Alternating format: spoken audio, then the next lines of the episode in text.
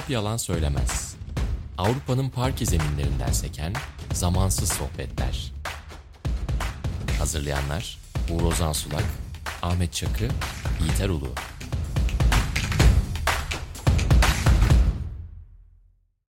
Sokrates'ten merhaba. Top Yalan Söylemez'in yeni bölümüyle karşınızdayız. Ben Uğur Ozan Sulak. Her zaman olduğu gibi Ahmet Çakı ve Yiğiter Ulu'la birlikte Euroleague'de hani gündemi ve biraz da geleceği e, konuşacağız. Aslında biraz beklentinin de bizim beklentimizin de ötesine geçen iyimser açıdan söylüyorum bunu. Bir dönem olduğunu söyleyebiliriz maçların oynanma sıklığı açısından. Çünkü yani bir iki ay öncesinde acaba işte aralığa doğru lig en azından bir süre askıya alınır mı, bir sıkıntı olur mu diye herkesin kafasında belirli soru işaretleri vardı ama şimdiye kadar e, bunun da önüne geçilmiş gibi gözüküyor. Biz tabii ki Fenerbahçe, Beko ve Anadolu Efes ağırlıklı yapacağız programı her zaman olduğu gibi. Ama bugün farklı olarak sizden gelen, sizlerden gelen sorulara da yer vermeye çalışacağız. İşte 5-6 soruyu e, programın son bölümüne almaya gayret edeceğiz. Fenerbahçe Beko ile başlayalım. Yiğitir abi bu kez senden başlayayım bir e, farklılık yapıp. Yani biraz olumsuz bir hava var tabii ki. Genel olarak Fenerbahçe camiasında futbolun da sezon başında böyle iyi başlayıp son dönemde derbinin de kaybedilmesiyle birlikte orada da bir karışıklık. Tabii ki burada Fenerbahçe gibi işte Barcelona gibi Real Madrid gibi büyük spor kulüplerinin branşlar arasında etkilenmediğini söylemek yanlış olur. Genel olarak Fenerbahçe'de futboldan basketbola hava biraz olumsuza döndü bizim son programımızdan bugüne. Zaten İspanya deplasmanı artı içeride oynanan maçla birlikte ASB takımlarına karşı Fenerbahçe 4'te 0'la kapattı. Bir de büyük çekmece mağlubiyeti var son dönemde. Ya burada şu anda biraz işte kabahatli kim, hatayı yapan kim psikolojisine girmiş durumda Fenerbahçe camiası. Sen nasıl bakıyorsun bugünkü duruma? Tabii gidişat biraz olumsuza doğru yönelince ister istemez bu tür büyük camialarda bir suçlu arama alışkanlığı var geçmişten beri. Şimdi de Fenerbahçe camiası biraz öyle bir noktada görünüyor. Şunun için yani mesela ben büyük çekmece yenilgisini uzatmada gelmiş bir büyük çekmece yenilgisini ligde çok önemsemiyorum. Çünkü geçmiş yıllarda da buna benzer işte Fenerbahçe'nin Obradoviç döneminde kendi evinde Gaziantep'e vermiş olduğu maç var. Büyük çekmecede de galiba e, bir maç kaybetmişlerdi evet. deplasmanda. Hani bu tür kazalar yoğun maç takviminde olabiliyordu ve bunlar e, taraftarın çok fazla üzerinde durduğu e, şeyler değil. Çünkü sezonun sonunu çok belirleyen maçlar değil bunlar. Ama Euroleague'deki tabloya bakıldığı zaman şimdi 11 maçta 4 galibiyet sanıyorum Fenerbahçe taraftarlarının sezon başında yani söylenseydi Euroleague'in üçte biri yaklaşık e, üçte birine yakın bir kısmı geride kaldığında sadece dört galibiyet olacak denseydi yani bu biraz tabii şey yaratırdı. Huzursuzluk, rahatsızlık yaratırdı ve zaten şu anda da gerçekleşmesiyle yaratmış durumda. Neden buraya geldik? Nasıl buraya geldiğin cevabını e, aramaya başladığımız zaman ilk önce şunu görüyoruz. Bu programlarda daha önce sıkça belirttiğimiz gibi bu takım Nando De Colo'nun üzerine kurulmuş. Nando De Colo'ya liderliği verilmiş bir takım. Şimdi Nando De Colo'nun olmadığı maçlarda Fenerbahçe'nin aynı çizgiyi tutturmasını beklemek yaratıcılık açısından öne geçtiği maçlarda kontrol edip tempoyu kontrol edip maçı kapatabilme becerisi açısından yani e, tecrübesini ve basketbol aklını e, sahaya yansıtmak, koçların çalışmış olduğu şeyleri birebir uygulayabilmek açısından e, Nando De Colo çok kritik bir figür, çok anahtar bir isim. Bu isim olmadığı zaman siz e, bu birikiminizi diyeyim, basketbol birikiminizin aşağı yukarı yarısını yitirmiş oluyorsunuz. Bunlar olmadan sahaya çıkıyorsunuz. Bu bence Fenerbahçe'nin şu anda yani 4-7 yerine 7-4 de olabilirdi. Ve 7-4 olsaydı şu anki tabloda da ilk üçün içerisinde olacaktı sanıyorum. Ya da en azından tepedeki takımlardan bir tanesi olacaktı. Ve bu Fenerbahçe taraftarını fazlasıyla tatmin ederdi. Ama Nandosuzluk işte ne bileyim içeride Valencia'ya kaybetmek, içeride Bayern Münih'e kaybetmek, içeride neredeyse alınmış bir maçı CSK'ya teslim etmek şeklinde tezahür etti. Bu, bu, bu sonuçları getirdi.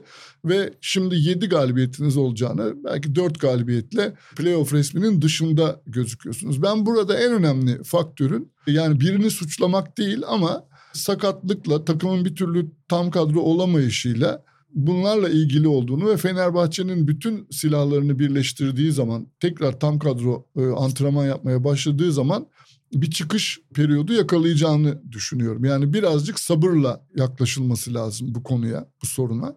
Yani burada belki umutsuzluğa gark eden taraftarları şu nokta olabilir. Deplasmanda kaybedilmiş bazı maçlarda yani Real Madrid, Panathinaikos, Baskonya maçlarında bu maçları daha önceki sezonlarda da yani Fenerbahçe'nin e, Avrupa şampiyonu olduğu sezonda da Euroleague'de Final Four'lar, Final Four'larda finaller oynadığı sezonlarda da gidip o deplasmanlarda kaybettiği maçlar oldu. Hatta farklı kaybettiği maçlarda oldu Obradoviç döneminde. Ama burada oyunun ve teslimiyetin derecesi biraz bence taraftarları umutsuzluğa sevk ediyor. Yani nedir? Mesela Panathinaikos Euroleague'in iyi takımlarından, kaliteli kadrolarından biri değil ama Panathinaikos'la oynadığınız oyunun 40 dakikası boyunca neredeyse hiç dizginleri elinize alamıyorsunuz. Yani oyunun hakimi de hep rakip takım oluyor. Yani bir yerde bir ışık vermiyor Fenerbahçe Beko kadrosu ya da Baskonya'da gene buna benzer bir senaryo izleniyor. İşte bu noktalar biraz bence Kokoşkov'un olması gerekenden daha sert eleştirilmesi e, sonucunu getirdi. Yani şu anda eleştiri oklarının çok büyük bir bölümü koçun üzerinde toplanıyor. Ki koçun zorlanabileceğini sezon başında programımızda da konuşmuştuk. Neden derseniz birincisi kendisinin kurmadığı bir kadroydu. Yani o, o geldiğinde kadro büyük ölçüde oluşturulmuştu ve o kurulmuş bir kadroya yapılmış kontratların üzerine onun çalıştırıcısı olarak geldi. Evet. Burada bir ekleme yapayım. Kesinlikle öyle ki yani taraftar da bizi dinleyen dinleyicilerimiz de burada e, mesela Maurizio Gerardi'nin basın toplantısını hatırlayabilirler e, sezon başında. Biz burada şunu söylemiyoruz. Tabii ki Kokoşkova transferler belirli ölçüde danışıldı. İşte bu oyuncuyla ilgileniyoruz. Ulanovas Fenerbahçe'ye gelebilir. Olur mu olmaz mı? Ama burada şu, şunun farkına varmak lazım. Igor Kokoşkov geçen sene NBA'de olan bir koçtu ve 20 yıldır NBA'de olan bir koç. Burada Avrupa scoutingini, işte EuroLeague scoutingini, oyuncuların ne olduğunu, ne durumda olduğunu, Fenerbahçe'nin nasıl bir basketbol oynadığını tabii ki üstün körü bir bilgiye sahipti. Ama genel olarak burada kadro kurabilecek kadar etkinlikte orada zaten işi varken buraya geldi. Yani NBA'de kalmayı düşünen bir koçken aslında buradaki boşalan pozisyonun üzerine geldi Igor Kokoşkov. O yüzden belirli şeyleri tabii ki onaylamak durumunda kalmış olabilir. Ama esasen kadro onun kadrosu değil derken hani buradaki yapının e, Obradovic sonrası yapının yani Maurizio Gerardi'nin oluşturduğu takıma hani evet diyen kişi. Yoksa. Yani ben de zaten onun altını çizmeye çalışıyorum ve burada bir bir küçük detay daha var. Tabii ki Kokoşko Avrupa'yı hiç bilmiyor. Avrupa basketbolundan kilometrelerce uzakta yaşıyor diyebileceğimiz bir koç değil. Çünkü milli takımlar nedeniyle yaz aylarında zaten bu oyuncuların bir kısmıyla karşılıklı oynuyordu. İşte Ulanovas'la, Nando De Colo'yla, Veseli'yle vesaire. Ama Kokoşkov'un bir Dechampierre'i, bir Gerald Eddy'yi, bir Johnny Hamilton'ı ya da kime ekleyebilir bir Lorenzo Brown'u çok çok çok iyi tanıdığını, onların oyununa çok çok hakim olduğunu söyleyemeyiz. Yani o önüne gelen scouting reportlardan o raporlara dayanarak tabii ki e, bu transferlerde bir onay vermiştir. Ama yaşayarak da bazı şeyleri şu anda deneyimlediğini kesinlikle görmemiz lazım. E bu da işte diyorum yani bir Nando De Colo gibi takımın yarısı kabul edebileceğimiz özellikle basketbol aklı olarak yarısı kabul edebileceğimiz bir oyuncunun yokluğu.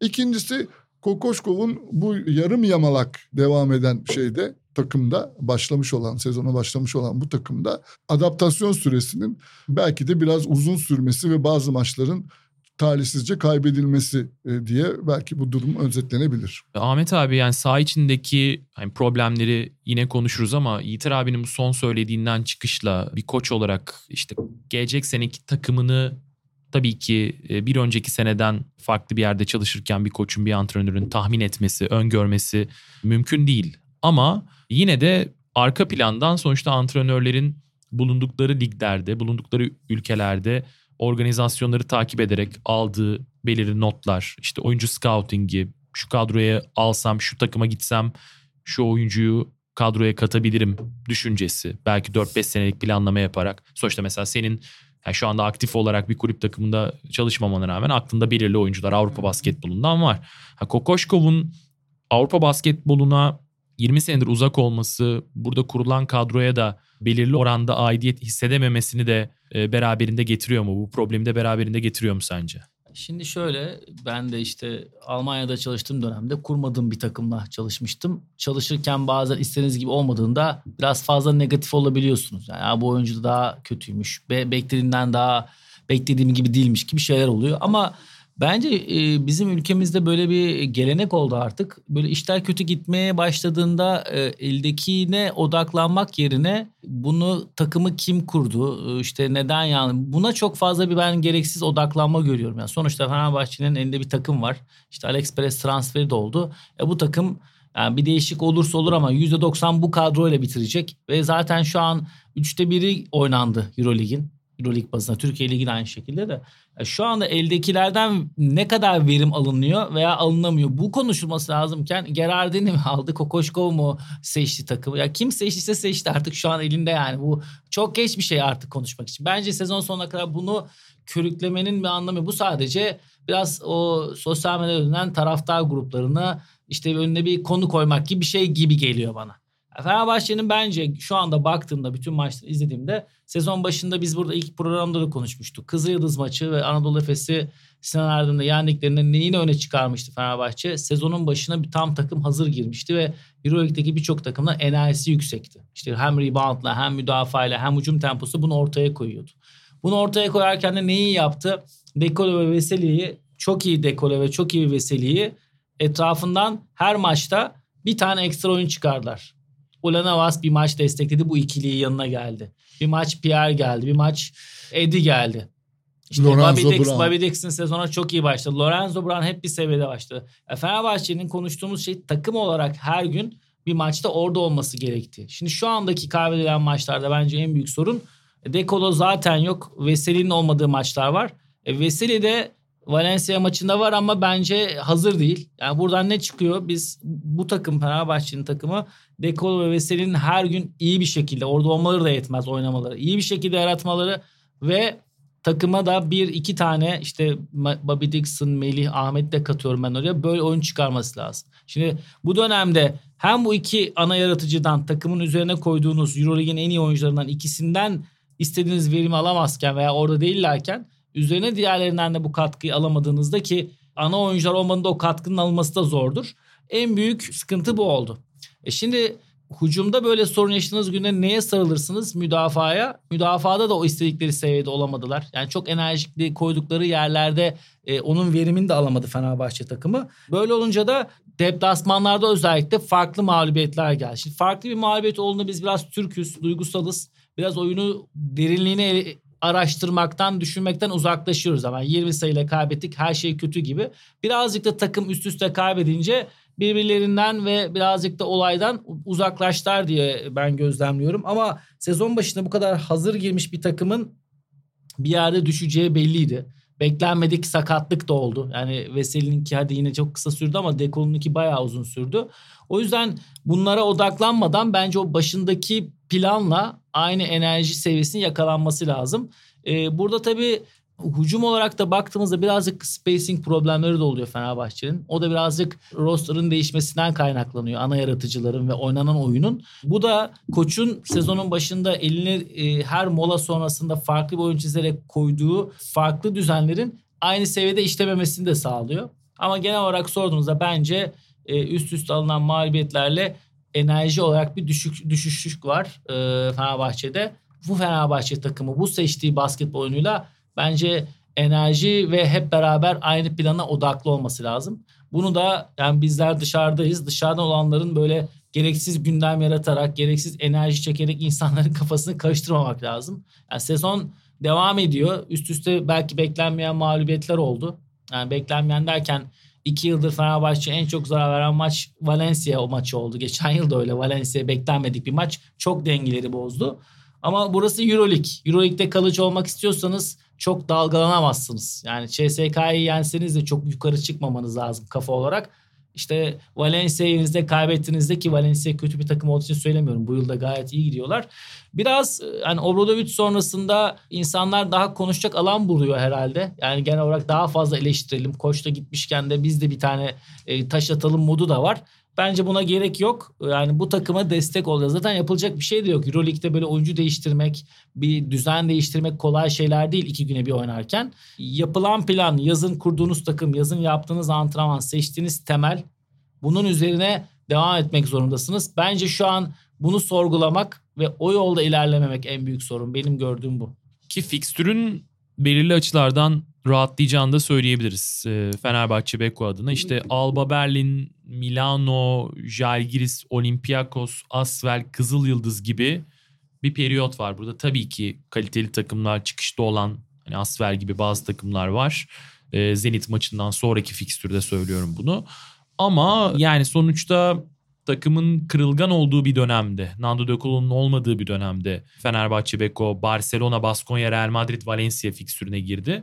Belki burada işte Valencia maçı Ahmet abi senin de söylediğin gibi kazanılsaydı ki Fenerbahçe'nin önde götürdüğü bir maç. Yani ilk yarıyı önde götürdüğü, E, tabii. ikinci yarının başında yine oyunu oyunda en azından dengeyi Dördüncü sağladığı bir periyodu iyi bölüm. oynadılar ki orada ben şunu eklemek istiyorum. Fenerbahçe'nin Baskonya maçıyla başlayan yani müdafada zaten işte Bobby Dixon'a atak et- etme var. Biraz Lorenzo Brown, Dekolo varken Dekolo'nun üzerine hücum etme bunların hepsi var. Eddie'ye işte Barcelona konuştuk burada çok e, post-up'tan ve paint içinden Seal'la çok atak etti. Şimdi Baskonya maçıyla başlayan bir off-pick müdafaa sorunu da başladı. Yani Barcelona e, Baskonya maçı öyle kazandı zaten. Screen çıkışlarıyla. Gördüğümüz diğer maçlarda da devamında da Real Madrid zaten bunu kullanan bir takım. Valencia'da Prepel için son periyottaki attığı sayılar. Bu da çok zaten birkaç konu varken bireysel anlamda takım müdafası olarak bir konu daha çıkardı. Onu da çözmesi gerekiyor ki özellikle Zenit ve devamındaki takımlar da bu yönde atak edecektir. E, müdafaa olarak da bu takımın müdafada da bu yönde bence gelişmesi gerekiyor. Yiğiter abi biz sezon başında e, hepimiz bir liste yapmıştık. Playoff takımlarını işte düşünerek. Mesela işte Barcelona, CSK, Anadolu Efes, Real Madrid, işte Milano. Burada şu anda yer alan takımlar zaten. Alttan Efes yeni geldi 6. 7. sıra civarına. Hani dışarıda kalan takımlar arasında e, Maccabi haricinde, Maccabi haricinde çok böyle hani yukarıda planlanıp da aşağı inen bir takım olmadı. Aşağıda düşündüğümüz ve yukarıya çıkan takımlar oldu. Evet. Ama işte bu durum aslında biraz Fenerbahçe Beko için tabii olumsuz bir tablo. Çünkü e, büyük takımların biz toparlandığını görüyoruz playoff hedefi e, öncesinde ve beklentinin üstünde sezona başlayan ve seviyelerini de belli oranda koruyan takımlar var. Valencia, Bayern gibi, Zenit gibi. Zenit gibi. Bu üç takım sonuçta yani playoff'taki galibiyet çıtasını yukarıya çıkaracak takımlar, taşıyacak takımlar. Fenerbahçe'nin hedeflediği sıra bakımından 6-8 gibi düşündüğümüzde bu takımlar. Ve bu açıdan Fenerbahçe Beko'nun sezon 3'te birlik bölümü geride kalmışken playoff hedefinde bizim sezon başına göre konuşmamıza düşündüğümüzde, konuşmamızı düşündüğümüzde nedenli bir oynama görüyorsun? Kendi fikirlerinde bir değişiklik görüyor musun? Şimdi tekrar hatırlarsak o tabloyu, o çizdiğimiz tabloyu. Yani geçen yılın en iyi takımı olarak gördüğümüz yarım kalan sezonu e, bir şekilde taçlandıramamış olan Anadolu Efes. Onunla beraber Final Four'ların gediklisi olan CSK ve Real Madrid en tepedeki 3 takımdı. Kadro zenginliği açısından Barcelona'nın da oraya yazılabileceğini ve dörtlüyü tamamlayabileceğini düşünmüştük. Bu dört takım dedik. Sonrasındaki dörtlü için Fenerbahçe'nin de içinde yer alabileceği başta Olimpia Milano, Maccabi, Fenerbahçe, e, Valencia'yı e, Valencia, Kızıl Yıldız Zenit. ve Zenit. ve Zenit'i e, aday aday gösterdik. Şimdi e, belki Baskonya'da e, olabilir 5-5 dedik Baskonya. hatta. Şimdi oradan nereye geldik? Evet bu e, zaten CSK, Real Madrid ve Anadolu Efes biraz ilk başta sendelemelerine rağmen sonradan toparlanacakları görüntüsünü verdiler. Fakat orada sene başında bu kadar iyi olmasını beklemediğimiz bir üç tane takım var. Valencia, Bayern Münih ve Zenit. Yani Zenit'i belki yazmıştık ama bu kadar sadece iki, iki yenilgileri var ki bir tanesini Kimki'den aldılar. Yani tek yenilgileri bile olabilirdi şu anda. Olympiakos'un de tam bu Covid'den dolayı Evet. süre maç Evet. oynamadıkları Evet. için kaybettiler Evet. bence evde. Yani şimdi bu üç takım oraya yerleşince bizim daha iyi olmasını beklediğimiz bazı takımları da aşağıya itti. Nedir? Onların aşağıya ittiği takımların başında bence Maccabi geliyor. Hı hı. Sonra da Fenerbahçe'yi bu listeye yazabiliriz. Fenerbahçe İşte Baskonya, Kızıl Yıldız bunlar da şu anda dışarıda playoff resminin dışında gibi hemen Ama- kıyısında gibi duruyorlar. Yani sözünü ettiğim gibi Fenerbahçe içerideki Bayern Münih maçı, içeride uzatmada kaybedilen Nando De Colo'nun oyundan atıldığı ve uzatmada kaybedilmiş olan CSK maçı ve bu son kaybedilen Valencia maçı. Yani bu üç maçı kazanmış olabilirdi ve 7-4 olacaktı o zaman. Hemen CSK'nın bir altında olacaktı. Yani o yüzden Fenerbahçelilerin hani çok umutsuzluğa kapılmaması, hemen panik düğmesine basmaması ve Nando De Colo geldikten sonra bu takımın fikstürün de yardımıyla yavaş yavaş puan cetvelinde e, yükseleceğini bilmesi lazım. Bence Fenerbahçe tamam belki ilk dördün içine kafasını uzatamayacak ama 5-8 arasında bir yere yerleşmesi bence e, hiç de olağan dışı değil. Bence Ee, ama şunu e, da e, söylemek mümkün. Yani bu Covid e, sezonu çok büyük dalgalanmalara da gebe bir taraftan. Yani kimin ne zaman inişe geçeceğini, kimin de bu fikstürü kendisi için avantaja çevirip birdenbire tırmanacağını pek tahmin edemeyiz. Çünkü mesela Real Madrid'in Campazzo'dan sonra nasıl oynayacağını şu anda hiçbirimiz kestiremiyoruz. Şu anda Real Madrid Pek sanki iyi. bir yere gelmiş gibi gözüküyor ama belki de e, seri birkaç maç onlar da kaybedecekler. Çünkü Campazzo'suz oynamayı pek de bilmiyorlar yani. CSK maçında pek iyi bir e, görüntü vermediler. Yani oradaki Randolph ve Tompkins'in çok iyi bir oyunu vardı bence maçın genelinde ama 1 ve 2 numaradan özellikle Labrativa'nın ilk 5'te başlayıp e, çok organize bir durum ortaya çıkmadı ama tabii ki onun için de yeni. Sonuçta kenardan girip 5-6 dakika oynarken Tabii. ana guard olmak o da farklı. O da bir adaptasyon süreci getiriyor. Yani ben hani size Fenerbahçe Beko kısmında çok katılmıyorum ama e, Sen zam- çok umutlu değil misin? ben değilim. Yani keşke umutlu olsak tabii ki ama e, Yani ya ben, kadro yapısını Ben gene 7. 8. liğe doğru çıkabilirim. İnşallah. Mesela Ya- bu saydığımız takımlar içinde benim en şey olacağım, yani bir şekilde toparlanamayacağını düşündüğüm takım Makabi. Yani Makabi'nin elindeki malzemenin hiç onların çıkış yapmasına izin Onlarda vermeyeceği. sakatlar döndü esasında. Onlarda da Yani bence ben- bir hareket olabilir. Ben yükseleceklerini düşünüyorum ama playoff'a bence Maccabi'de Fenerbahçe'nin de önünde çünkü sezonun daha büyük bölümü olduğu için çok büyük şans var. yani ben şeyi söylemiştim önceki Ama programda. rakipler iyi Ozan'ın dediği gibi. önceki programda konuşurken şimdi işte siz Jalgiris'i şey görmediniz sezon başına inanılmaz girdiler deniyordu ama Jalgiris'in yani düşüş yaşayacağı hani fikstüre ufak bir göz atıldığında zaten belliydi. Şimdi Bayern'de tabii ki playoff resminin yakınında gidip gelecektir. Ben açıkçası bunu beklemiyordum sezon başında. Burada hiçbirimiz bunu konuşmamıştık ama Evet. şöyle bir durum var yani Bayern'in de burada kalacağını ben düşünmüyorum. Bayern de inecektir aşağı. Yani şu an Bayern 7-4 ile hani lig dördüncüsü.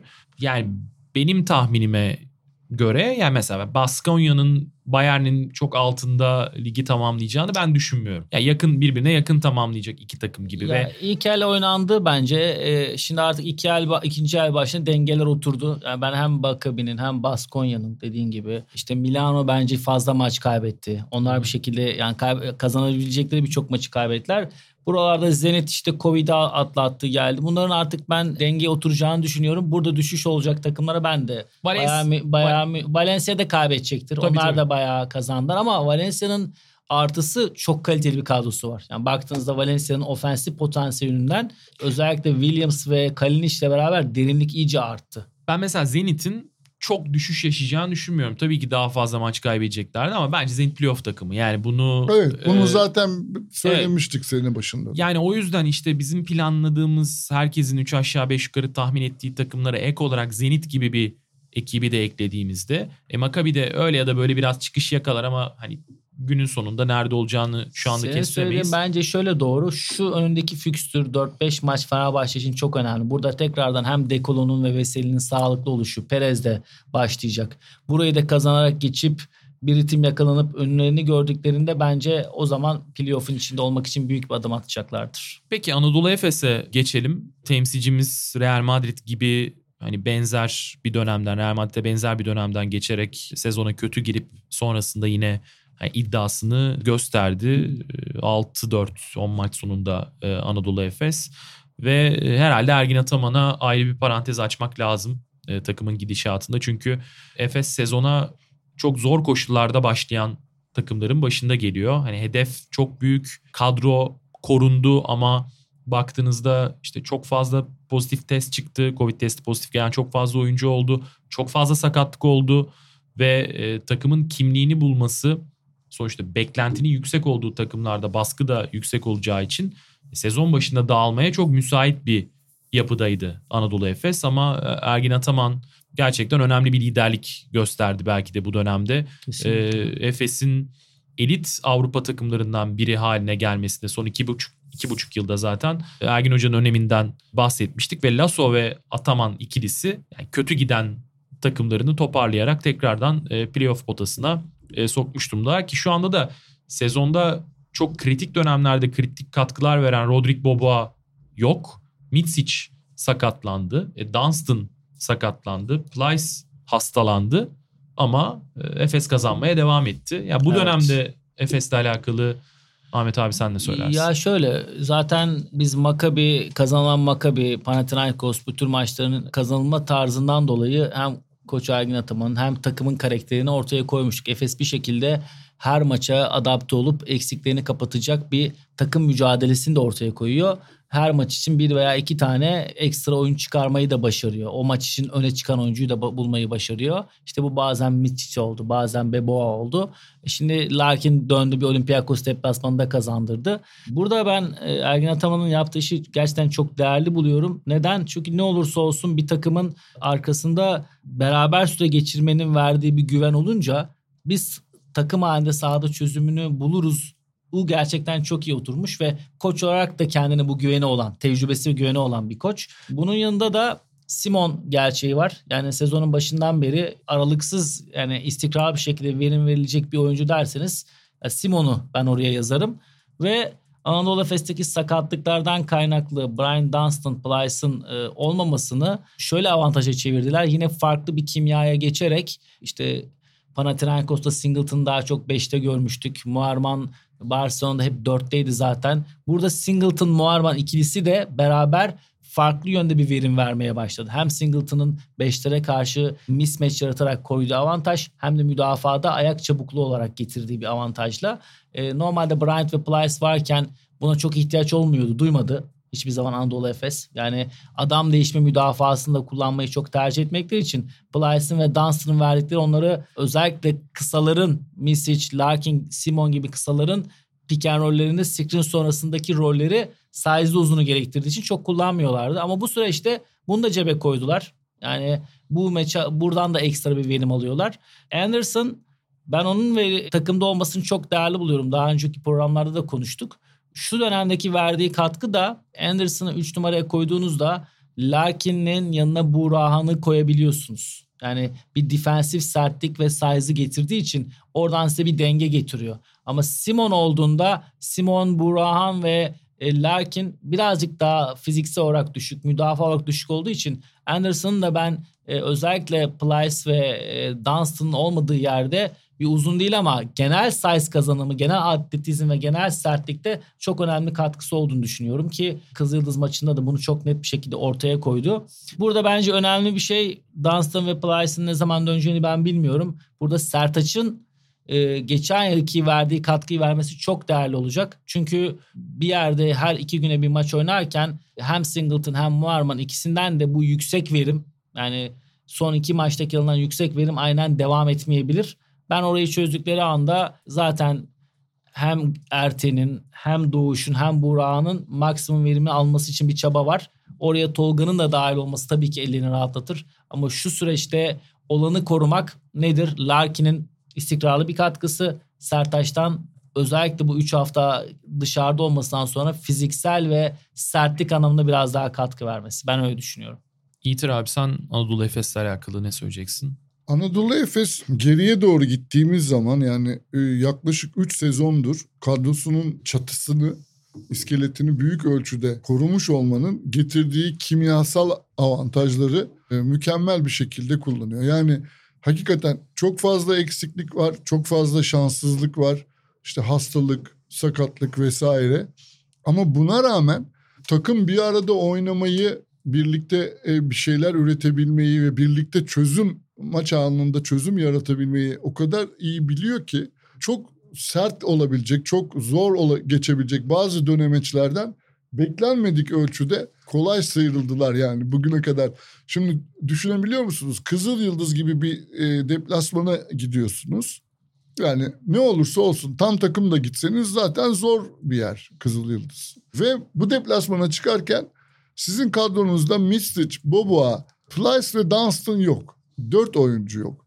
Ve bu dört oyuncudan iki tanesi de aynı pozisyonda oynuyor. Yani beş numaralarınızın birinci ve ikinci alternatifleri yok. Beş numarada elinizde bir tek Sertaç'la bu deplasmana çıkıyorsunuz. Ve hiç sıkıntı yaşamadan maç boyunca yani rakip acaba tehdit eder mi, maça ortak olur mu derdi bile çekmeden 10 sayının üzerinde çift taneli bir farkla kazanıp geliyorsunuz.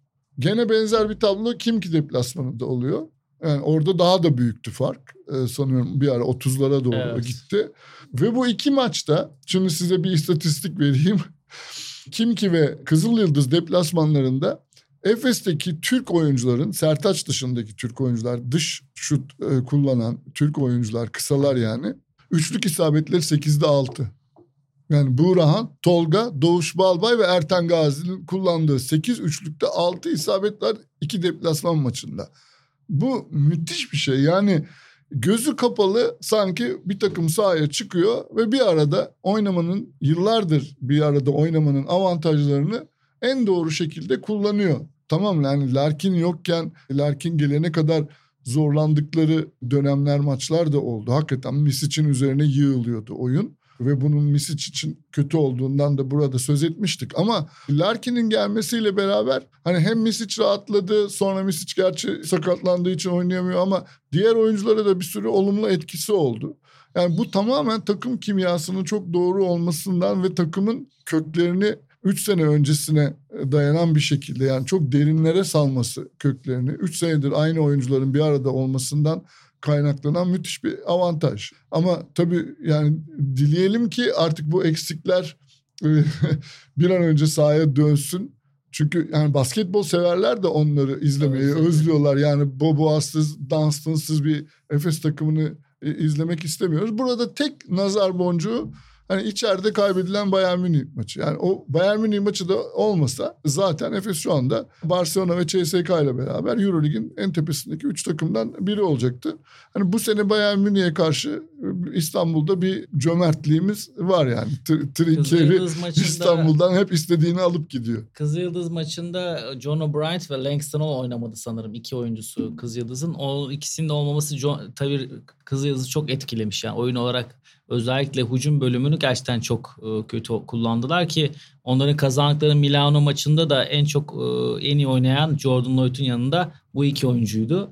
O da biraz etkilemiş onlara. Böyle bir süngüleri düşmüş gördüm ben ama sonuçta Anadolu Efes o deplasmanı gerçekten erken bitirdi. Yani 3. periyotun başında bütün maçın kontrolünü eline almıştı. Bunu ya zaten büyük takım olmanın bence e, önemi bu. Yani bazı yerde öyle bir ağırlığınızı hissedersiniz ki diğer takım ne yaparsa yapsın kazanacağını, kazanamayacağını görür. Anadolu Efes bu ritimde ve bu güvende en değerlisi bu. Yoksa oyuncular değişiyor işte. Hele Covid sürecinde en önemli oyunculardan biri Shane Larkin sezona başlayamadı. İşte Misic şimdi yok. Beboa sakatlandı. Dunstan Plyce yok. Ya bunun oturması çok önemli. Bu da hem kulüp organizasyonu hem de e, teknik kadronun bence büyük başarısı. Tebrik Ha, bir ediyoruz. küçük parantezde belki Chris Singleton için açmak lazım. Yani e, az önce Ahmet de söyledi. Ondan 5 numarada belki şartlar gerektirdi böyle e, olmasını ama Chris Singleton'dan 5 numarada faydalanmak hani Kızıl Yıldız maçının da gidişatını büyük ölçüde etkiledi.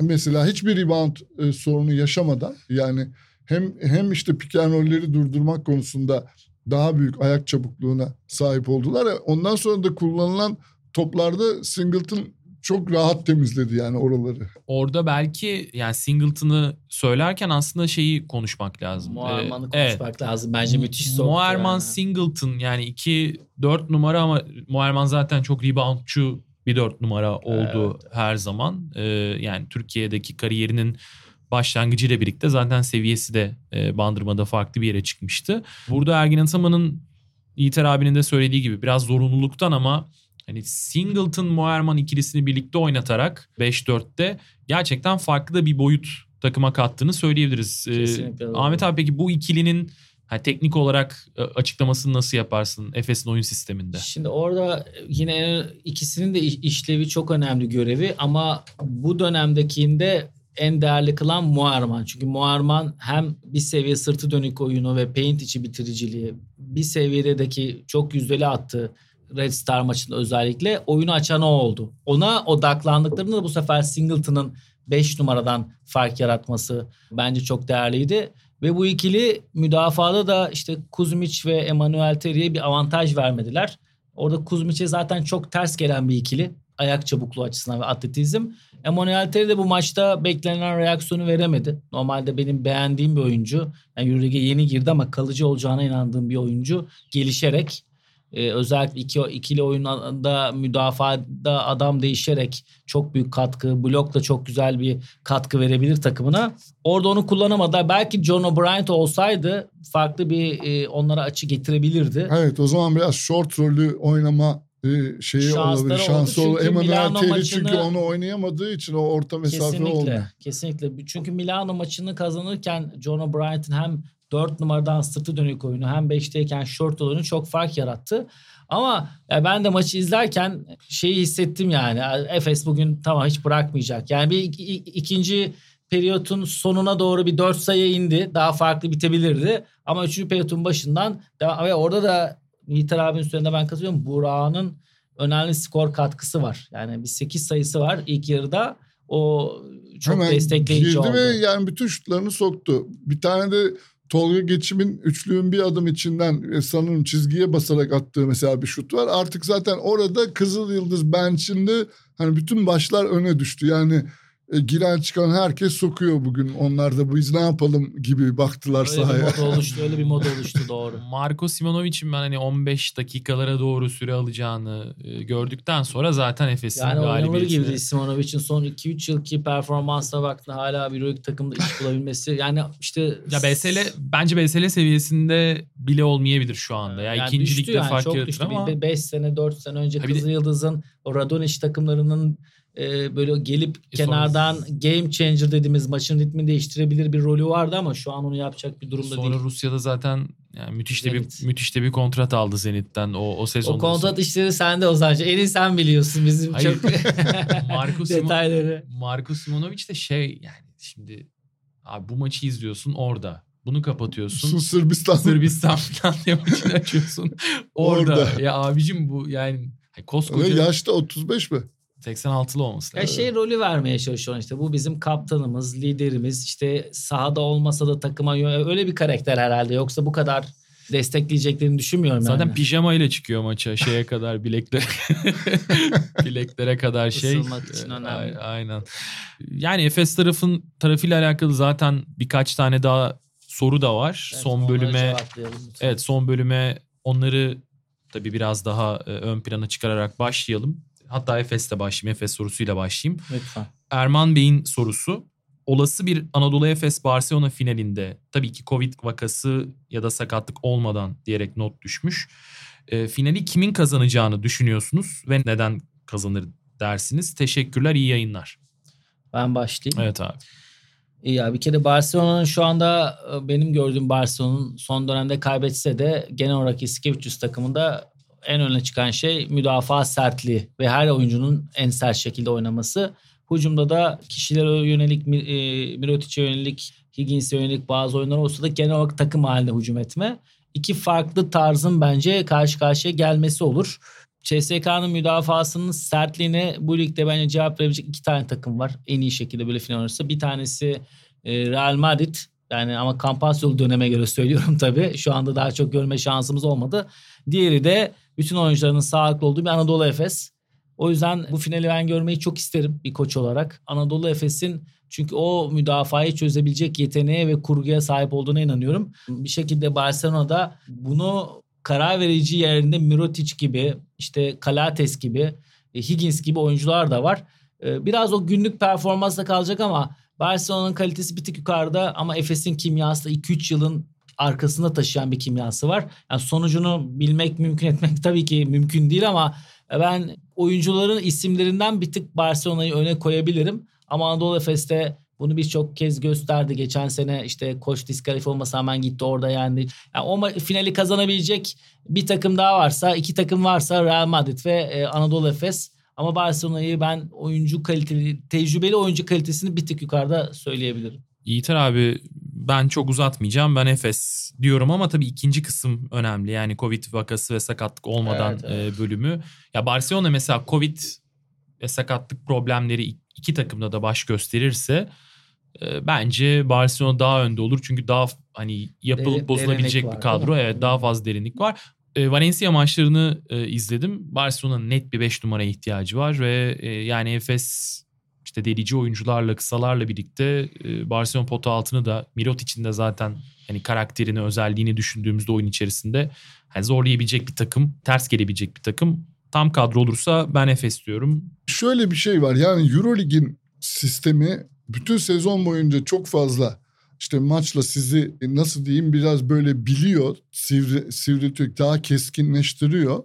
Sonunda en kritik maçları playoff'ta bir seriyle 5 maç üzerin yani 5 maçtan oynuyorsunuz. Sonra da tam karar verme aşamasında tek maça düşüyor. Şimdi bu bunu ben aslında çok adil bulmuyorum. Biraz e, değişik bir sistem bu. Yani o günlük performanslar işte küçük bir sakatlık, hastalık çok belirleyici oluyor o yüzden. Yani böyle baktığımız zaman şimdi Covid'den bağımsız olarak da yani Covid hiç hayatımızda olmasa bile hani tam kadroyla sahaya çıkmış bir Barcelona ile Anadolu Efes'in o gün nasıl yani bir şampiyonluk maçında ne yapacağını işte Larkin'in diyelim ki o günkü hücum performansı yani yüzdeli atması ya da atamaması ya da efendim Adam Hanga'nın işte top getirici olarak ya da belki bir savunma faktörü olarak ne kadar kullanıldığı ya da o gün kullanım tercih edilmediği gibi küçük şeyler çok belirleyici olabiliyor bir maçta. Şimdi ben böyle baktığımda evet Ahmet'e katılıyorum. Ee, Barcelona'nın hele ki savunmasının da bu sertlik seviyesine çektiği bir sezonda hücumda koz olarak, hücumda çeşitlilik olarak sanki Efes'ten biraz daha bir adım daha önde olduğunu söyleyebiliriz. Ama senin de söylediğin ayrıca doğru. Anadolu Efes'in az önce benim altını çizmeye çalıştığım gibi 3 yıldır beraber oynamaktan gelen hani birbirine güvenmek, maçın en kritik anında birinin diğerine yardım etmesi, öbürünün nasıl bir açık verebileceğini belki de bir saniye önceden kestirip oraya e, erken gidebilmek falan gibi hani böyle istatistiklere yansımayan tamamen detaylarda küçük detaylarda kalmış bazı avantajları var. İşte o avantajlar Anadolu Efes'in Barcelona'nın kadro zenginliği avantajını eşitlemesini yani onu ortadan kaldırmasını sağlayabilir. Hakikaten çok güzel bir final olur eğer olursa. Yani ben o günkü performansların belirleyeceği Zor görüşündeyim. bir soru gerçekten. Evet. Yani 10 günde 4 maç yapsalar yani hepsi 2-2 olabilir yani. Gerçekten çok keşke, Evet, evet, keşke evet. öyle bir şey olsa. Yani eski, eski formata tabii. dönse yani çok zor ama tabii ki burada yine ben yine cevapladıktan sonra siz konuşurken düşünüyorum. Anadolu Efes'in iki buçuk yıldır beraberliğini getirdiği ve bu kadar kaliteli oyuncular o çok büyük bir fark yaratıyor. Yani genel tabii, bir sertlik tabii. koçun elde belli Yasikevicius'un ama yani yaşanmışlıklar olarak Efes bir kere çok önde yani. Barcelona ile alakalı daha önce ben programda da söylemiştim. Yani Barcelona bir dönem sezon içerisinde işte bir ay iki ay ki o, o, ona bence erken de geldiler. İzleyenleri vay be acayip takım hakikaten Şaras çok şeyi değiştirmiş değiştirmiş. Fenerbahçe maçı özellikle. Evet deneyecek bir takım ama işte Barcelona sonrasında ne oldu? Asfel'e kaybetti. Valencia'ya kaybetti. Barcelona onları sezon içerisinde çok yaşayacak bir takım. Hele ki 5 numara gelmezse şu anda e, bilmiyorum. Yani belki... Peki Jack Landale ben ismi e, bir ortalıkta dolaştı. Ses... Sanıyorum İspanya'dan bir takım yerlerden sızan bir dedikodu ama... NBA'de kontrat bulamıyormuş. Evet ee, işte o yüzden galiba... Landale bu... tarzı bir oyuncu mu lazım? Daha Hayır Landale yakış, yakıştırılıyor. Da... Sanıyorum e, evet. e, yani Yasikevicius'la çalışmış olmasından e, ve şu anda da iş bulamıyor olmasından bu iki şey birleştirilip acaba olur mu diye. Ama hani Barcelona'nın ihtiyacı tam olarak o mu? Sanki sanki ben izlediğimde daha böyle 5'e yakın ve fiziksel atletizmiyle çemberi de koruyabilen öyle bir fark yaratan bir oyuncu gibi ihtiyaçları gibi geliyor bana ama tabii ki koç öyle öyle yüzde yüz öyle. Zaten Şaras hani Pustovi'yi bile denedi Deniyor. aslında ya yani deniyor da. Yani. Asfer maçında ilk 5 başlattılar. Yani çünkü Şaras'ın oyun sisteminde de öyle bir oyuncunun, öyle bir alternatifin varlığı e, çok önemli. Yani Brandon Ya. Davies'in mesela kenardan geleceğini zaten sezon başlamadan e, herkes Biraz tahmin ediyordu. Oriola'dan bah- vazgeçemiyor sanırım. Çünkü o 25 dakika falan e, Davies'le oynayacağını öngörüyordur. Hatta Evet. biraz daha fazla kazanmak zorunda olduğu maçlarda ama orada bir hem Davies'in olmayacağı kötü günü veya foul problemi olduğunda bir net 25 dakika oynayacak bir oyuncu daha olabilir. Çünkü Oriola e, çok değerli bir oyuncu. Ben çok beğeniyorum. Ben de. Özellikle Valencia'daki o ACB kazandıkları sene çok beğeniyordum. Ve bana göre Barcelona'da hala geçirdiği yıllarda o performansı yakalayamadı. Ama Euroleague şampiyonu olan bir takımın da orayı risk etmemesi gerektiğine de inanıyorum açıkçası. Ya Oriola çok iyi bir üçüncü, dördüncü Tamamlayıcı oyuncu, oyuncu. e, Evet. rotasyonu yani uzun Bir de, hani, bir de tam 5 mi? O da Değil. değil. O Değil. da yani onlar böyle bir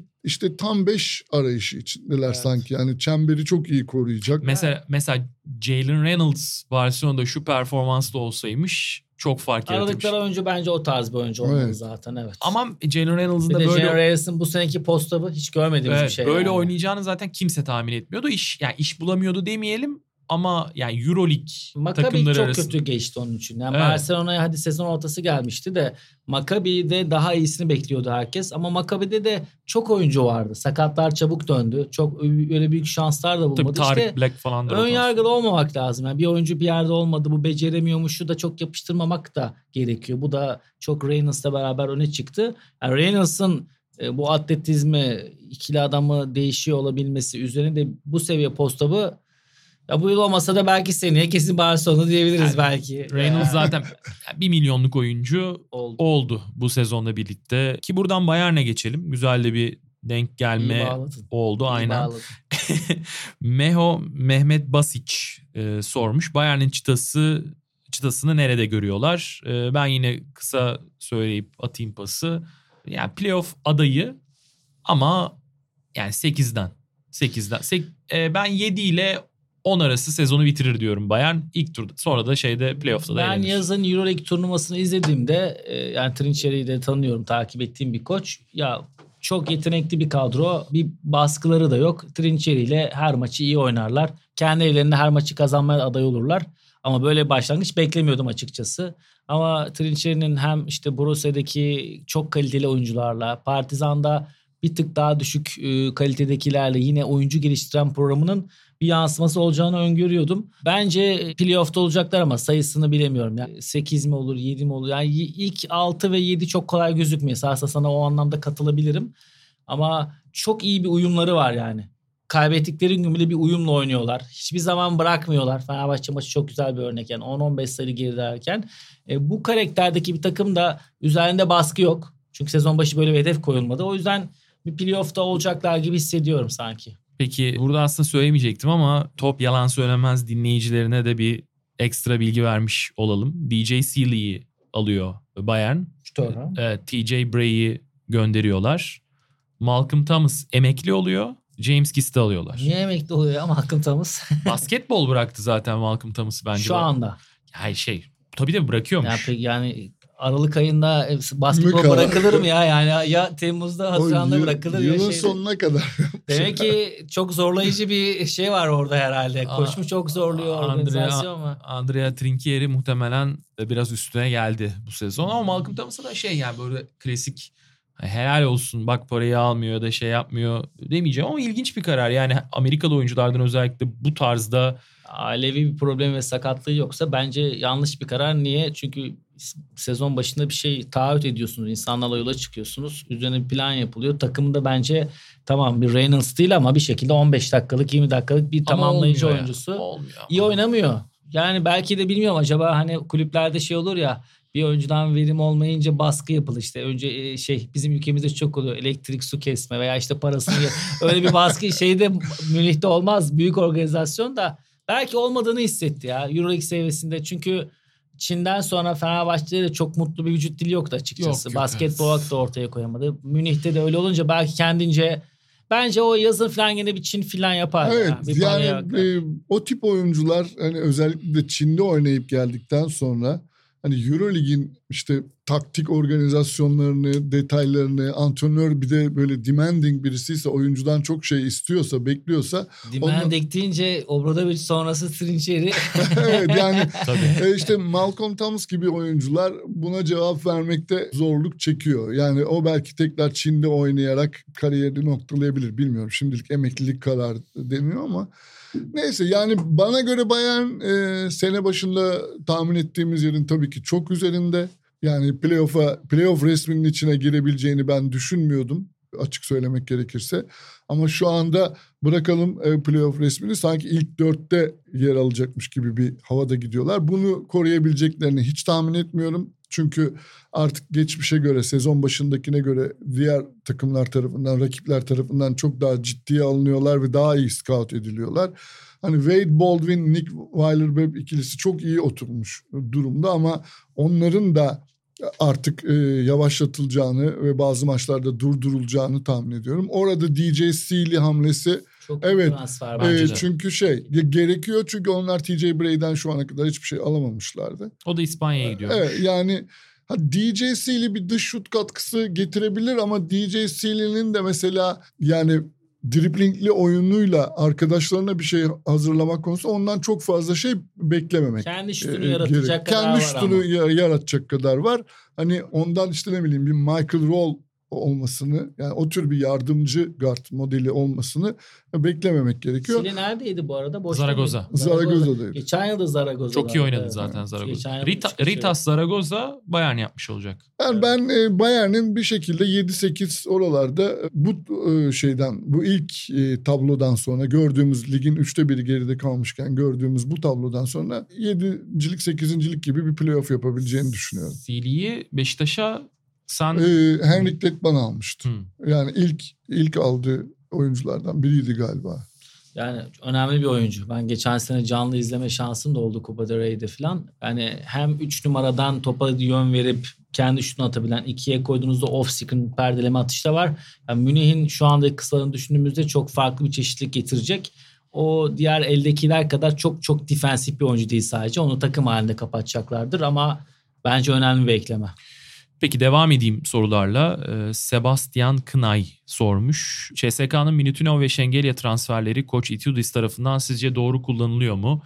Ee, sanki ikisi de önceki takımlarda daha iyi performans veriyorlardı. Elbette o takımlarda Mike James yoktu e, demiş e, dinleyicimiz. Ya bunu biz sezon başında da konuştuk zaten. Hani hem Milutinov hem e, Şengalya, Clyburn bu üçü 5-4 ve 3 yan yana kolay değil. Yani bu üçü yan, yan yana verim alınacaksa çok e, onları oynatacak bir oyun kurucu ve e, bir ve iki numara yaratı, yaratıcısı lazım diye. Oralarda şu an eksik gözüküyor CSK ama şeyde bence yol aldılar. Yani Militov'un dönüşüyle beraber Şengel ile Militinov'u daha iyi bir seviyede yan yana kullanıyorlar. Hem Şengelya'nın postabıyla hem Militinov'un çembere yakın oyunuyla. Zaten Militinov oyunda olmadığında da iki tane dört numara Voigtman'la beraber iki dört numarayla oynamaya çalışıyor. Hatta Fenerbahçe maçında Voigtman 5, Clyburn 4 oynayarak kazandı. Böyle bir çeşitlilikleri var. Ya orada en önemli şey kısaların bence istikrarlı bir şekilde verim vermesi. Sadece kendi skorların yanında etraflarını da oynatması. Yoksa Şengelya işte e, Baskonya'da çok farklı kimyalarda bir rolde oynadı. Militinov Olympiakos'ta işte Printesislerle herkese yayına oynadı. Katkı verdi. Bence oyun kurucunun ve kısaların yaratıcılığı önemli. Ama yani şu günümüzde Euroleague'de gelinen noktada böyle iki uzun oynamak kolay değil. Böyle oynayan takım çok azaldı. Yani hem Şengel'le direkt dış şutuyla oynamayan, short roll oyunu bile şutuyla çok gitmeyen, hep böyle paint'in içinde oynayan, Militinov da öyle kolay değil. Ama ben o noktada geliştiklerini düşünüyorum. E, Mike James bölümüne ya bu iki uzunun varsa Mike James oynamak zaten kolay değil. Ee, orada mesela benim aklıma hep şey geliyordu CSK kadrosunu Hilart düşünürken. Mı? Yo yo çok beğendiğim bir oyuncu değil benim ama mesela Kostas Lukas ben CSK olsam bu kadroyu kurmuşken çok dribblingle oynuyor o da. Gene e şey olsun. değil yani. Hayır çok ama yani ikili oyun sonuçta yani Militino ve Şengeli'ye zaten oyunu biraz durdurarak Bence off pick olabilir biraz. Çünkü perdeleme sonrasında atıyorum Şengeli tarafı Şengeli ile oynanan bir off pick'te onun adamı yardım etti rolü var. Militinov'u topun tersine bir pozisyon alıp hem rebound'a hazır olabilir. E, biraz dörtle pick and roll olabilir. ikili oyunda screen yapıp Şengeli'yi rol ettirerek bir low to low dediğimiz bir şey yaratılabilir. Sterling X bence çok önemli. Yani orada etrafını ya Hackett da geçen yılda iyi geçirmişti ama Sterling X'in de ben bir seviye daha katkı vereceğine inanıyorum. Bir de Darion Hillard Mike James'in o olaydan dolayı out olduğunu çok iyi bir katkı verdi. Tamam Mike James'i tamamen kenara atmasanız da Darion Hillard'ın da verimini o maçtakine yakın alacak bir organizasyonla sadece kendisi için değil buradaki soruda olduğu gibi hem Şengelya hem Mulitinov verimine de katkı olacağına inanıyorum. Yiğiter abi. Yani Militinov, şimdi önce aslında bu soruya en sondaki şeyden başlamak lazım. Hani Mike James e, yoktu onların takımında diyor ya arkadaşımız. Evet Mike James'i zaten bu programlarda daha önce de konuştuk. Mike James kendisi yüksek skor atabilir ama takım arkadaşlarını biraz aşağıya çeken tipte bir guard ve Mike James'le iddialı bir takımın hani nereye kadar gidebileceğini ben de gerçekten e, merak ediyorum. Bu açıdan Şengelya'nın sezon başından beri sıkıntı çektiğini de daha önce söylemiştik. Ama Militinov için e, böyle bir problem olduğunu zannetmiyorum. Çünkü Militinov zaten hani guardlarda topun çok fazla kaldığı ve çok da dikey oynanmayan Olympiakos sisteminde hani o Spanulis'le e, oynamaya alışkın. Hani bir maçta beş kere altı kere topa e, topa değdiği evet. ve bu 5-6'nın da belki iki tanesi hücum ribandı oluyordu. Doğru. Yani Militinov zaten buna e, çok şey değil. Yabancı değil. Militinov Mike James'le oynayabilir ama Şengelya hakikaten çok sıkıntı yaşıyordu. Çünkü Şengelya'nın Baskonya'daki rolü e, bir lider oyuncu rolüydü ve çoğu hücumda top mutlaka bir Şengelya'ya girip çıkıyordu. Yani Şengelya'nın birebir ihtimalleri deneniyordu, göz önünde bulunduruluyordu. Ama burada Mike James'le beraber Şengelya e, aşağıya düşmüş durumda. Şimdi koç da biraz Mike James'i dizginleyerek işte bazı oynatmadığı maç oldu. Efendim Mike James'in dakikalarını kısıtladığı bölümler oldu ve işte e, yaratıcılık rolünü Hackett'la Hillard arasında e, paylaştırarak daha size'lı ve daha dikey oynayabilen bir takımla e, uzunlara biraz yardımcı oldular. İşte alternatif hücum seçenekleri yaratmaya çalışıyorlar sezon devam ederken. Hem bir taraftan maç kazanmak önemli hem bir taraftan kendi oyunlarını çeşitlendirebilmek, zenginleştirebilmek önemli. Yani e, kapasiteli bir takım tabii ki CSK. boy çok önemli bence. Bu iki tabii, evet, tam tabii. ters yönde olduğu için ikisi de bir arada oynayabiliyor yani. Hem dörtten hem Öyle. beşten. Onlarda olmayan bir ayak çabukluğu ve atletizm var. Ya uzun bölümü bence Clyburn'u dört sayarsak Voigman'ın dış şutu, Clyburn'un üçe yakın oyunuyla işte Şengel bence değerli bir şekilde kullanılabilir ama kısaların kendi işlerindeki uyumu, yaratıcılığı ve aynı zamanda da uzunlarla bir uyum içerisine girmesi onları biraz daha istikrarlı hale getirecektir eğer başarabilirlerse. Peki diğer soruya geçeyim. Sadıkcan Öztürk sormuş. Ee, Maurizio Gerardini'nin sözleşmesi sezon başında 2 yıllık uzatılmıştı ama e, Gerardini'nin kurduğu takımda işler yolunda gitmiyor. E, sizce sezon sonunda yollar ayrılabilir mi? E, Veseli ile Dekolo'nun kulüpteki gelecekleri ne olacak diye sorulmuş. Yiğiter abi tabii burada ekleyerek söyleyeyim. Veseli'nin bir yıl daha kontratı var. Hani bu sene bitecek. Bir yıl daha kontratı var. O kontrattan bence çıkılamaz kimse. Dekolo'nun Dekolo'nun bitiyor bu sene. Bitiyor bu sene. Ee, o yüzden yani kulüpteki gelecekleri Dekolo'yla ben uzatılacağını zannetmiyorum.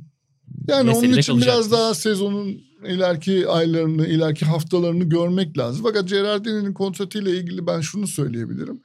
Yani teknik adamların ve bu tür idari personelin, yönetici pozisyonunda olan kişilerin kontratları genellikle zaten bitmeden bir şekilde ayrılıklar gerçekleşir. yani e, çoğunlukla bu basketbol aleminde, e, spor aleminde bu böyle yaşanır. Yani oyuncuların kontratlarında genellikle sadık kalınır ve sonuna kadar bir şekilde gidilir. E, kontrat bittikten sonra yollar ayrılır ama teknik adamlarla idari pozisyonda ağırlıklı sorumluluğu olan kişilerle işler yolunda gitmediği zaman bir sorumlu bulmak gerektiğinden gen, genellikle onlara e, onların kontratından çıkılır. Şimdi ben Gerardini, Ahmet, Mehmet herhangi bir yöneticiden bağımsız olarak bunu söylüyorum. Orada verilen iki senelik kontrat biz iki sene bu adamla çalışacağız biz de buna söz verdik demek manasına gelmiyor. O adama verilen hem geçmiş yıllardaki emeklerinden ötürü geçmiş yıllarda kulübe kattıklarından ötürü o adama verilen değeri gösteriyor. Eğer bu kontratın bir yerinde çıkarsanız ona iki yıllık ücretini tazminatını ödersiniz. Böylece onu da mağdur etmemiş olursunuz. Siz de başka bir yöne gitmeyi tercih etmiş olursunuz. E, dolayısıyla yani e, kontratlar Allah kelamı değil. E, çıkılabiliyor kontratlardan. Bugüne kadar çıkılmış nice uzun kontrat gördük. Hatta şöyle hani bir antrenörüyle diyelim ki kontratını Kasım ayında 3 yıl daha uzatıp ondan sonra daha sezon sonu gelmeden Mart ayında o antrenörü kapının önüne koyan e, kulüp var. Yani bunlar olabiliyor. Evet, evet. Ben şunu merak ediyorum. İşte e, Gerardin'in kaç yıldır ülkede?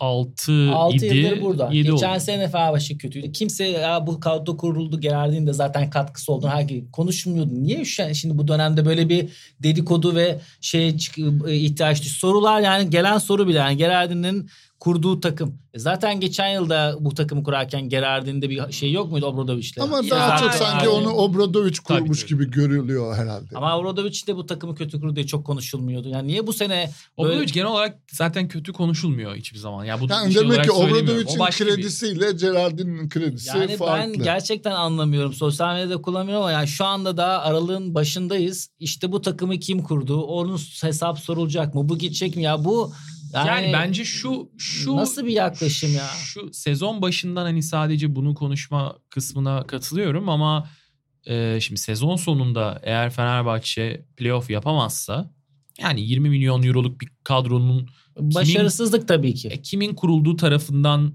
hani kamuoyunun aydınlatılması ya da zaten biliniyorsa hani bunun illa bir yaptırımı olmalı Ya değil mi? şu an peki böyle bir konuşma var mı mesela? Kokoşko ben kurmadım Gerardin. Ben böyle bir tartışma var mı aralarında? Ben, ya Yani şöyle bizim e, bildiğimiz yok. E Yok, yoksa Yani niye dışarıdan- dışarıdan böyle bir şey Var. yaratılmaya çalışılıyor yani? Bu arada var. Var mı? Var mı? Var. Ama yani şöyle var. Şimdi sonuçta bu insanların özel hayatları var.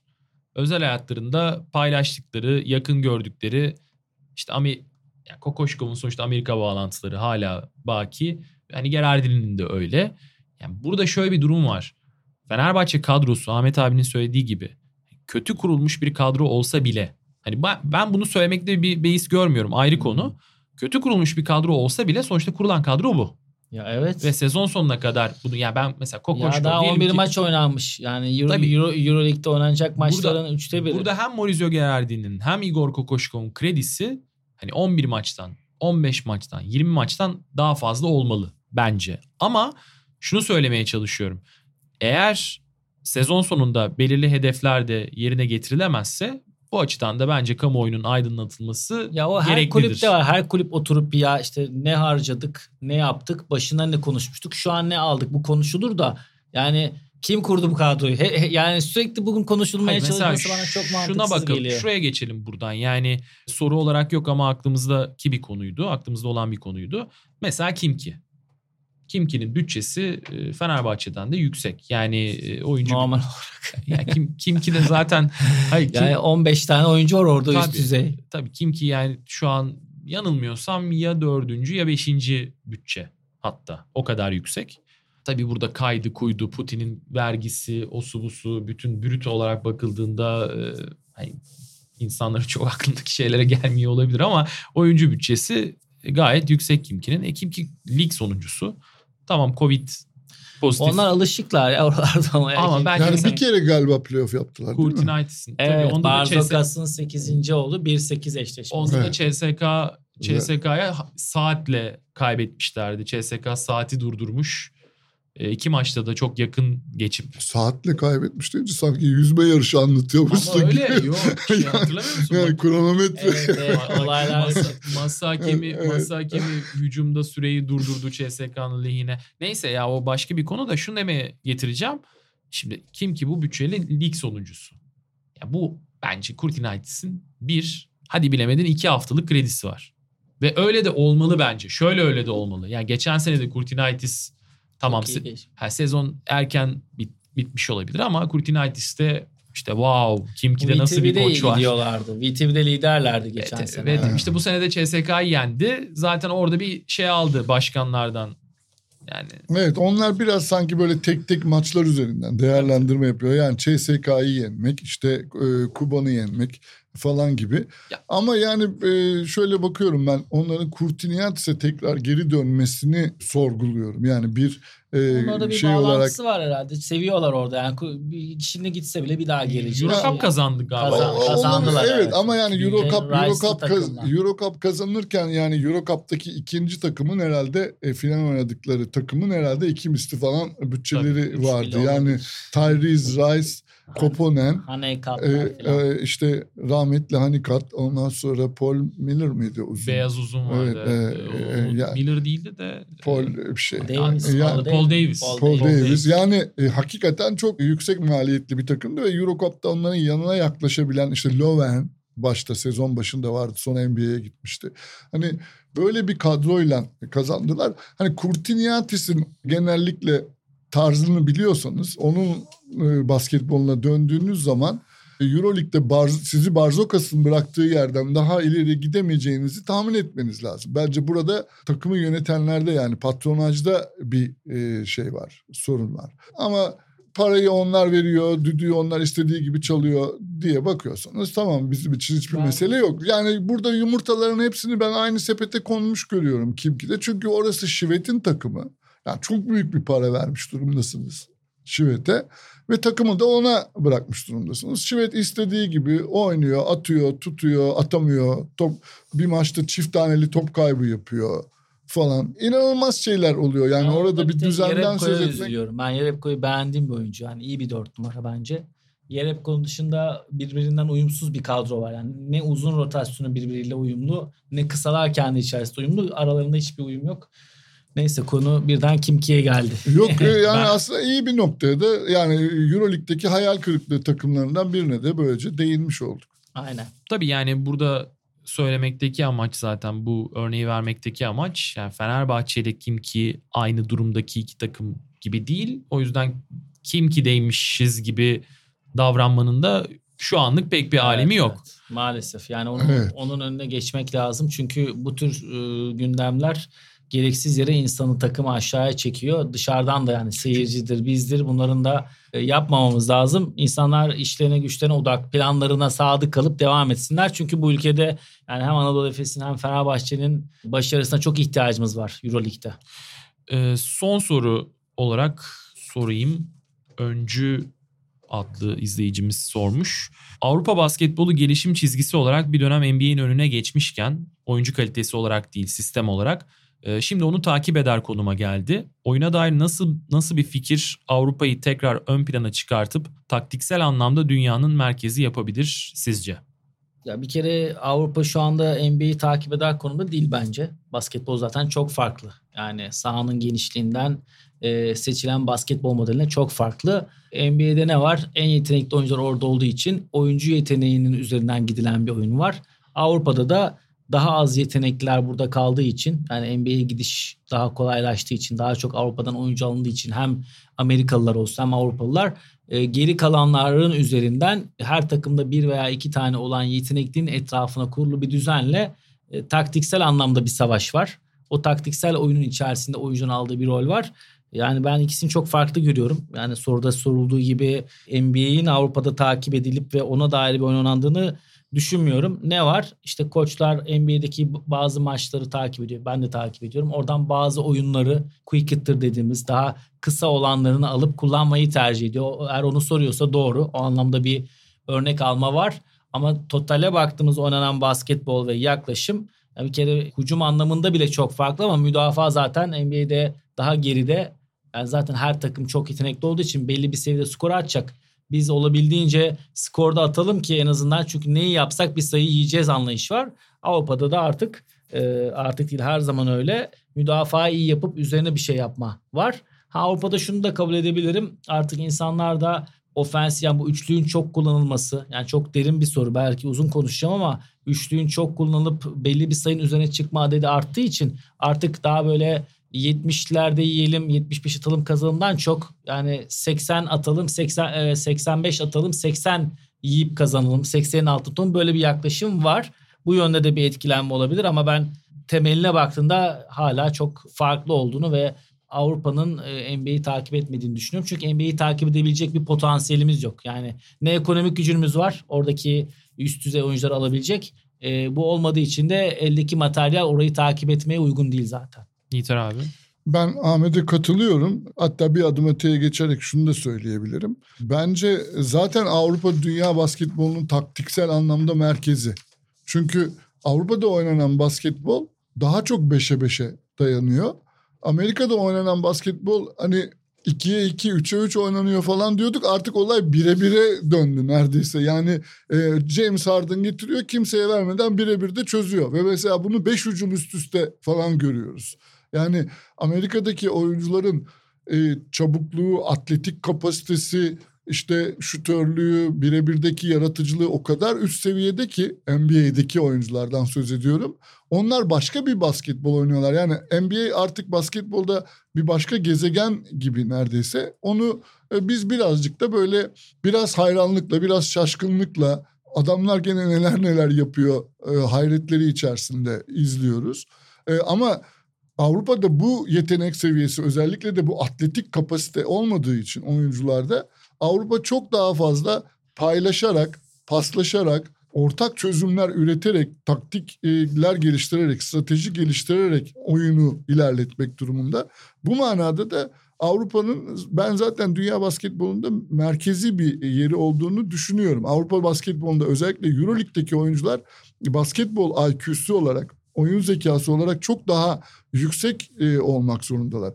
Avrupa basketbolunun e, bütün bu oyunları aldığı yer neresi diye bakacak olursak işte o zaman Amerika'daki kolej basketboluna bakmamız lazım. Aslında dünya basketbolunun laboratuvarı Amerika'daki kolej basketbolu ama taktik olarak en e, karmaşık şeylerin sergilendiği yer de Euroleague bence. Peki ağzınıza sağlık. Sorulara da e, elimizden geldiğince yer vermeye çalıştık. Bir sonraki programda e, görüşmek dileğiyle diyelim. Hoşçakalın. Hoşçakalın.